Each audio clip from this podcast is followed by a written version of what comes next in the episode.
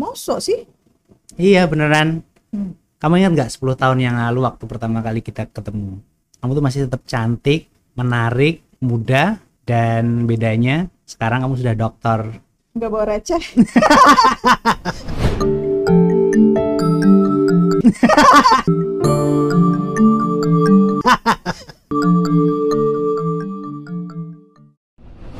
Nah itu tadi Sobat Tunes cara mencari masalah di dunia nyata ya. Kita bisa godain istri orang ya.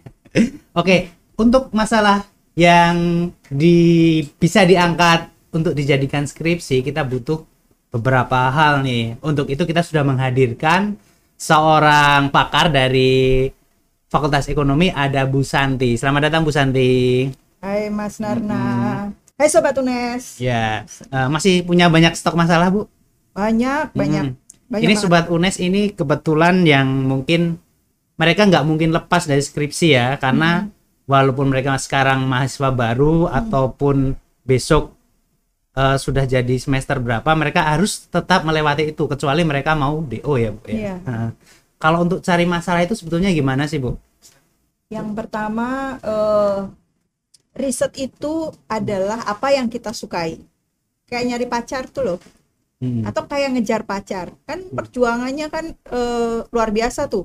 Pagi siang sore akan dikuntit. Terus demikian juga dengan riset. Kita tertarik apa kita suka apa itu yang kita kejar. Oke. kita cari tahu terus di situ. Dan ada fenomena apa yang ada di sana riset yang berkembang di sana seperti apa. Kayak gitu kira-kira. Terus untuk menentukan masalah itu eh, masalah yang bisa diangkat untuk dijadikan skripsi ya Bu ya. Mm-mm. Itu kita harus punya dasar-dasar itu dasar-dasarnya apa Bu? Eh, bisa dari existing data Hmm.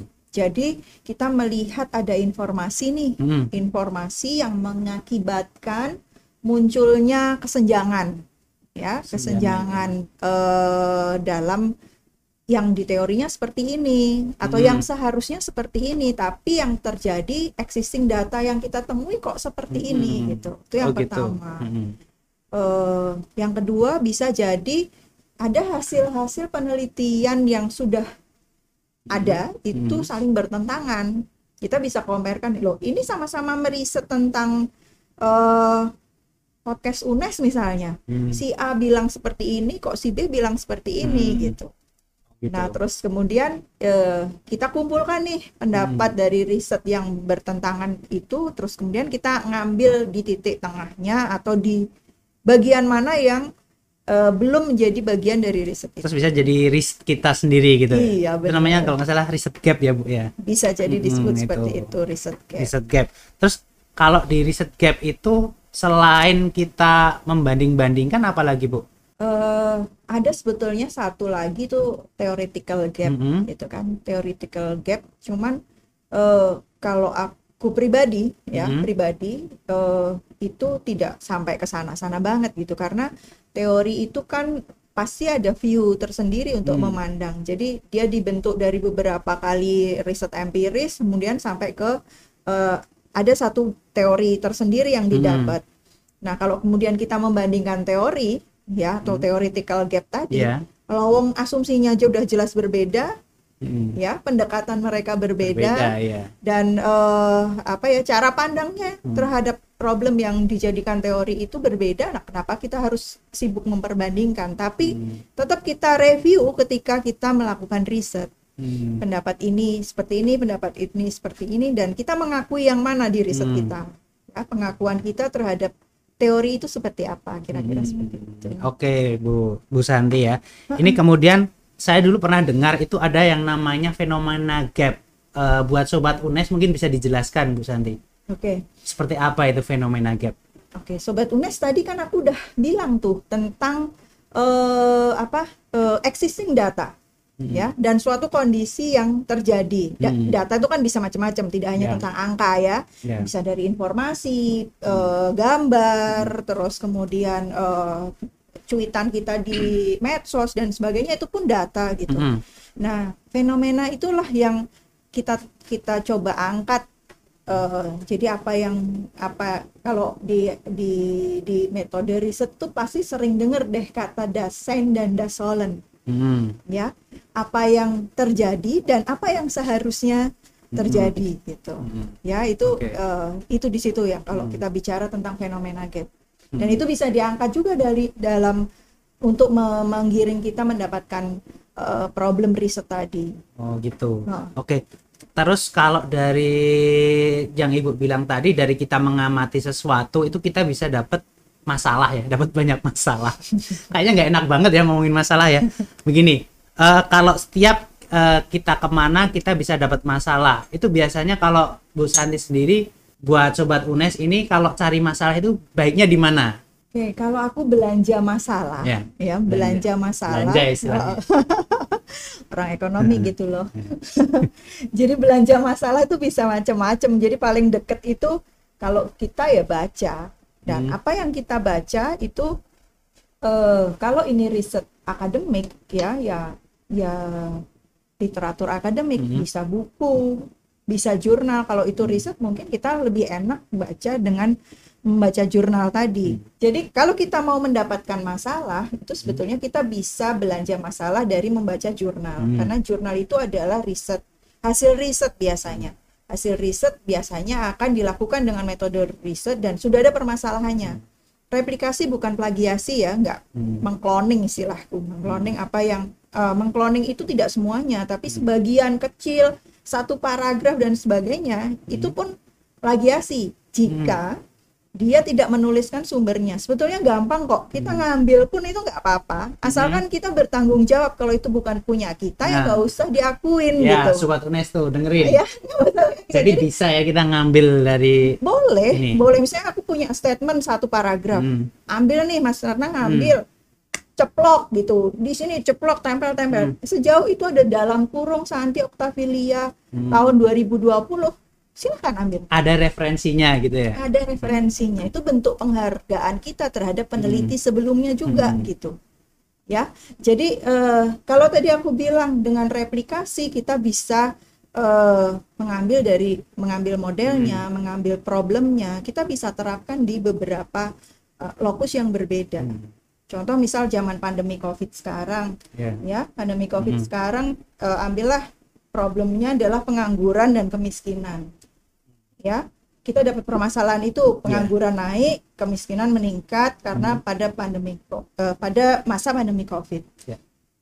nah satu orang peneliti atau satu orang mahasiswa meneliti di kota Semarang. Hmm. satu lagi di Jawa Timur satu lagi di DKI Jakarta misalnya seperti itu. Atau itu baru kabupaten kota. Ya.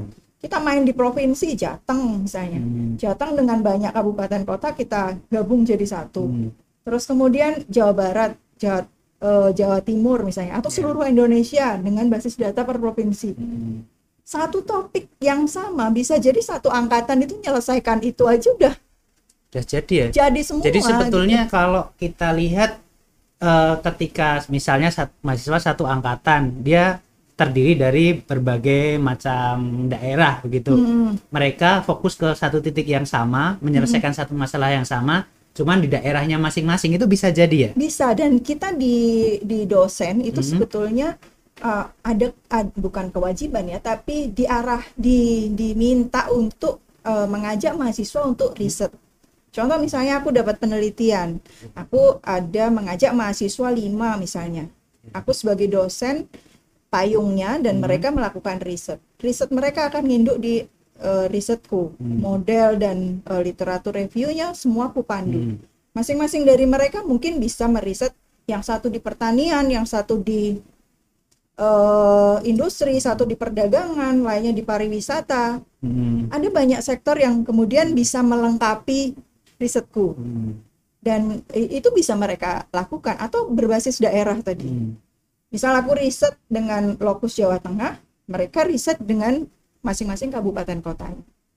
Sebetulnya itu bisa mempermudah mahasiswa untuk menyelesaikan studinya ya, Bu. dan ya? ada kinerjanya juga di Hmm. kami. Jadi Hmm. mahasiswa ada kolaborasi riset dengan dosen. Makanya Oh, iya. eh, jangan takut deh sama dosen. Problem mahasiswa tuh kan kadang masuk pintu, keluar lagi, masuk pintu. Keluar masuk, keluar Keluar- masuk gitu. Karena khawatir nih nanti dosennya marah, draftku bener atau salah dan sebagainya. Kadang Iya. kan merasa nggak apa ya merasa nggak wow banget gitu Padahal masalah itu bisa selesai kalau Dia sudah ngadep. diomongin ya. Iya iya. dia ada Oke, kalau Bu Santi tadi bilang eh, membaca jurnal itu bisa kita bisa menemukan masalah di situ. Hmm, Itu trik untuk membaca jurnal itu seperti apa? Baik Karena kalau saya dulu pernah ya baca jurnal setelah baca jurnal selesai sampai ujung itu tiba-tiba kayak lupa ingatan. Tadi saya baca apa ya? Kadang kayak gitu. Itu gimana triknya untuk membaca jurnal? Oke, pasti tadi pertama adalah riset itu adalah apa yang kita sukai. Kita Hmm. tertir- tertarik apa nih Hmm. untuk melakukan riset. Kedua pasti kita akan cari literatur. Hmm. Literatur eh, di UNES ini sudah bagus sebetulnya. Ada peraturan rektor yang di bidang akademik yang mensyaratkan skripsi itu minimal 5 jurnal internasional. Hmm. Itu susah loh memenuhinya. Mahasiswa kita Itu maksudnya. sobat UNES 5 jurnal internasional. Cuman Iya. itu eh, apa ya? Memang mereviewnya nggak mudah. Hmm. Cuman mendapatkannya tuh sebetulnya mudah banget Hmm. gitu. Karena sekarang kan nggak perlu ke perpus atau nggak perlu universitas langganan jurnal. Semua akses tuh udah terbuka. Ya. Perpus dari luar dan sebagainya. Apalagi yang sudah melakukan kerjasama dengan UNES itu Iya. kita bisa akses. Iya, UNES juga melanggan jurnal juga kalau nggak Ya, salah. UNES juga melanggan jurnal. Iya. Jadi apa yang sulit gitu mendapatkan lima? Mungkin karena nggak tahu ya Hmm. caranya. Nah, biasanya setelah kita tahu topik atau problem yang mau kita angkat, kalau aku nih ada tipsnya, Hmm. eh, cari jurnal yang mantap. gitu. Mantap, mantap. Gimana itu mantap? Yang mantap itu pasti dia jurnal dengan publikasi yang eh, nggak ecek-ecek, nggak yang Hmm. yang nggak eh, apa yang nggak sembarangan gitu. Hmm. dan banyak banget itu di internet berseliweran kan di- Ya. bisa terakses juga nah terus kemudian lihat eh, daftar pustakanya Hmm. karena kalau riset yang bagus dipublikasi di jurnal yang bagus pasti dia juga mengquote atau mensitasi eh, penelitian-penelitian terdahulu yang mantap-mantap juga gitu Hmm, gitu. ya jadi telusur dari daftar pustakanya itu nah ketemu deh turunannya Hmm. ya riset turunannya atau riset yang dia Hmm. citasi itu kita cari lagi kita cari Hmm. lagi makanya itu kenapa butuh literatur terbaru supaya Hmm. teori yang masuk ke riset kita itu juga teori-teori yang berkembang paling baru Hmm. Oke, itu. ketika kita sudah punya, kita menganggap kita punya masalah nih Bu, kita punya masalah dari segi waktu, biaya, kemampuan peneliti dan metodologi itu sudah oke, kita sudah oke. Kira-kira pertimbangan apa lagi yang bisa kita pakai ketika kita, oh iya ini tak ambil, masalah ini tak pakai gitu. Eh, mahasiswa yang skripsi itu eh, masing-masing prodi pasti ada kebijakan sendiri-sendiri. Tapi bisa jadi yang dituju mahasiswa biasanya adalah perpus atau Hmm. repositori online dari Hmm. universitas. Nah, kalau nggak mau yang biasa-biasa karena namanya skripsi itu Hmm. adalah masterpiece kita ya nggak? Hmm. Ah, Iya. Kalau udah bisa menyelesaikan skripsi kuliah beberapa tahun, empat tahun dan ini kayaknya udah ah, hilang semua gitu. Udah, Iya. maksudnya udah Lega. gampang gitu. Nah, ya usahakan itu sesuatu yang beda, sesuatu yang baru Hmm. untuk kita eksekusi. Dan ingat bahwa ketika kita menyusun draft itu mulai dari yang sederhana, maksudnya langkah yang pertama latar belakang, eh, problem, kemudian literatur review, sampai nanti di ujung itu ada simpulan dan rekomendasi, itu lakukanlah dengan serius. Pakai bahasa Indonesia yang baik dan benar karena kita orang Indonesia. Biasanya kan kalimat itu beranak pinak ya Ya. beranak cucu dengan kalimat majemuk supaya ini bukan novel, ini bukan karya sastra gitu. Tapi mungkin berbeda lagi kalau nanti yang riset adalah mahasiswa FBS ya, mungkin itu diperlukan. Tetapi eh, buat kata-kata yang efisien dan tidak ketika menyerahkan ke dosen itu kalau bisa ya typonya dan salah-salah ketik itu udah Hmm.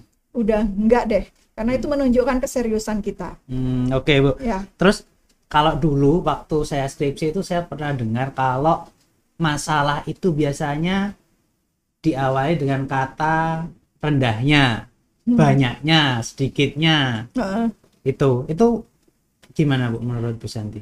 itu tadi yang aku bilang bahwa Hmm. kadang fenomena yang terjadi dan kondisi eh, idealnya Hmm. itu berangkat dari kesenjangan tadi harusnya tinggi dia rendah dan Hmm, sebagainya. iya. Jadi kebanyakan kita terus kemudian terbawa bahwa yang namanya masalah itu kalau tidak sesuai dengan kondisi idealnya. Oh, gitu. Itu memang iya benar. Hmm. Eh, bisa jadi itu merupakan sumber masalah, tapi masalah juga bisa jadi kita memperbandingkan loh. Hmm. Ini kondisi eh, kondisi yang ideal di daerah ini, kondisi yang tidak seperti ini terus kemudian kita perbandingkan. Hmm. Atau bisa juga mengkonfirmasi teori Hmm. ya bisa jadi nggak ada masalah tapi kita hanya pengen mengkonfirmasi teori benar nggak sih yang dibilang eh, apa ekonom A Mhm. ya atau ekonom B itu terjadi di Indonesia seperti Mhm. itu kira-kira seperti itu kalau kalau menurutku Hmm. Terus saya juga pernah ini membaca-baca kadang di skripsi mahasiswa itu ada yang namanya pertanyaan penelitian sama permasalahan penelitian itu bedanya apa Bu?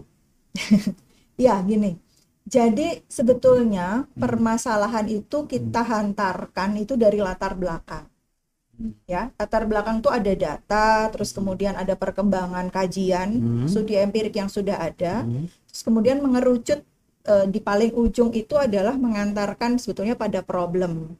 Masalah penelitian ya Bu? masalah Hmm. penelitian tapi di latar belakang itu sebetulnya udah ada tadi fenomena Hmm. dan riset gap tadi Hmm. secara implisit karena Ya. di situ ada eh, peta jalan eh, riset terdahulunya seperti Hmm. apa dan data existing yang dikatakan masalah Hmm. Di permasalahan sebetulnya ada satu statement kalau aku sih Hmm. biasanya pengalaman pribadi itu ada satu statement atau satu paragraf Hmm. yang itu menyatakan pernyataan ya bahwa Ya. inilah masalahnya Hmm. biasanya mahasiswa kan hanya tulis berdasarkan latar Hmm. belakang di Hmm. atas Terus nanti dia tulis bagaimana eh, eh, mengapa kayak eh, gitu. berdasarkan latar belakang di atas Hmm. nah kalau aku yang kamu maksud berdasarkan latar belakang itu kata-kata apa sih Hmm, gitu. Iya kan? Eh, latar belakang di atas itu sarinya seperti apa, Hmm. intinya seperti apa, itulah permasalahan, Rumusan permasalahan ya. rumusan permasalahan. Oke. Lalu setelah itu diturunkan ke pernyata pertanyaan penelitian. Hmm, Oke, untuk memperjelas ini buat sobat UNES yang mungkin dari beberapa fakultas yang berbeda ya, Bu ya. Mm-mm. Mungkin bisa kasih contoh lah beberapa dari eh, masalah nih ya, Hmm. masalah dari fakultas yang lain. Kalau yang dari FMIPA Heeh. atau teknik kan biasanya sudah jelas ya masalah-masalah itu. Kalau yang dari fakultas yang lain gimana itu, Bu? Eh, guidance-nya seperti tadi sih Iya. aku bilang bahwa eh, kondisi kondisi existingnya, kondisi Hmm. sekarang seperti apa dan kondisi yang seharusnya Yang ideal. yang ideal itu Hmm. seperti apa itu yang bisa diangkat. Nah, tentunya itu sesuai dengan konten kajian kita. Hmm, Aku di ekonomi akan cari problem ekonomi. Teman-teman di FBS mungkin akan cari problem-problem yang bisa yang teorinya bisa Hmm. mereka gunakan. Ingat ya bahwa ini adalah riset akademik hmm, dan penggunaan teori sesuai dengan bidang ilmu kita tuh wajib.